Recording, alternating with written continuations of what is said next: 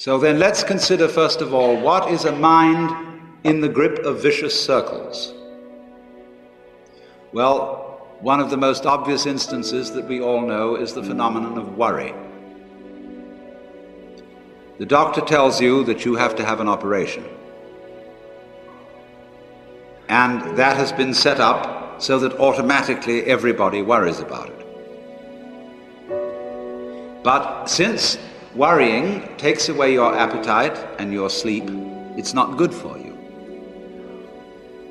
But you can't stop worrying, and therefore you get additionally worried that you are worrying. And then, furthermore, because that is quite absurd and you're mad at yourself because you do it, you are worried because you worry because you worry.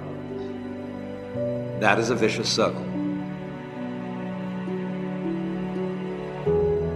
So now, can you allow your mind to be quiet? Isn't it difficult?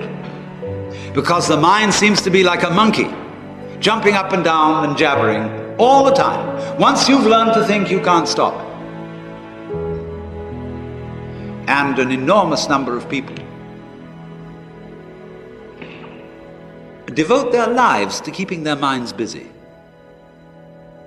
and feel extremely uncomfortable with silence. When you're alone, nobody's saying anything, there's nothing to do. There's this, this worry, this uh, lack of distraction. I'm left alone with myself, and I want to get away from myself. I'm always wanting to get away from myself. That's why I go to the movies. That's why I read mystery stories. That's why I go after to girls or anything that you do, or get drunk or whatever. I don't want to be with myself. I feel queer. So, well, why do you want to run away from yourself? What's so bad about it? Why do you want to forget this? Why do you want to become absorbed? Because you are addicted to thoughts.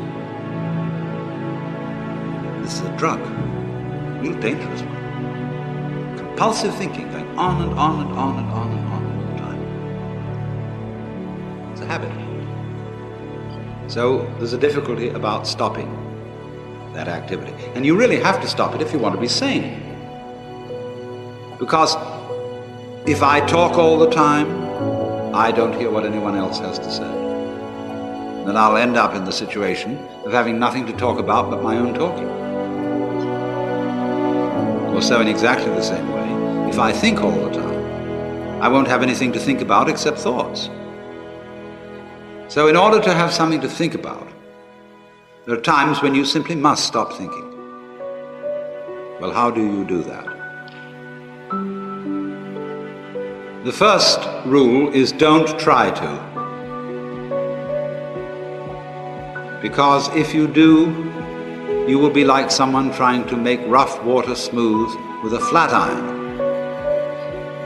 And all that will do will stir it up.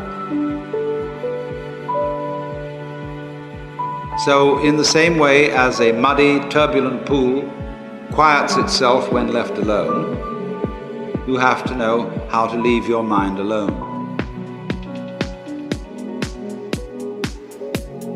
It will quiet itself.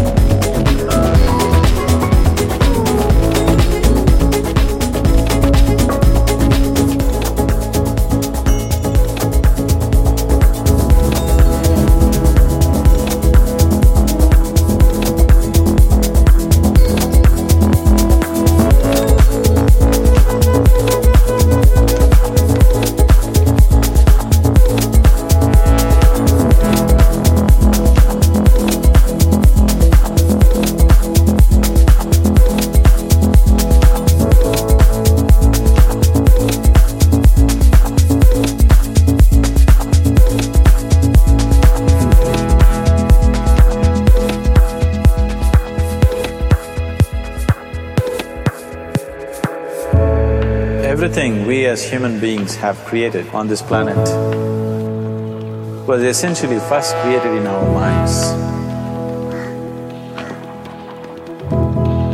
What every human being wants is health and pleasure,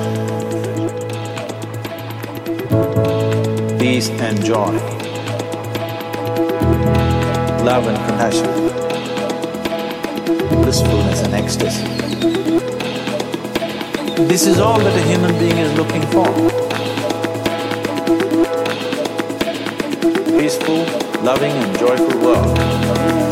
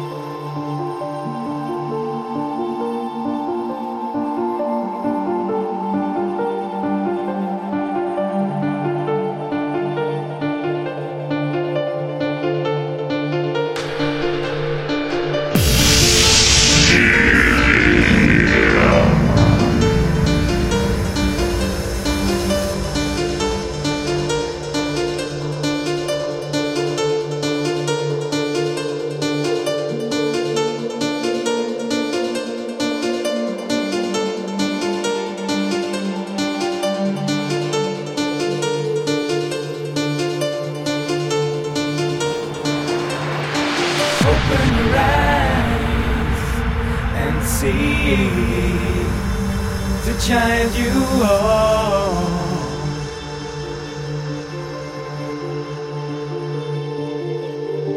Open your eyes and see the child you are.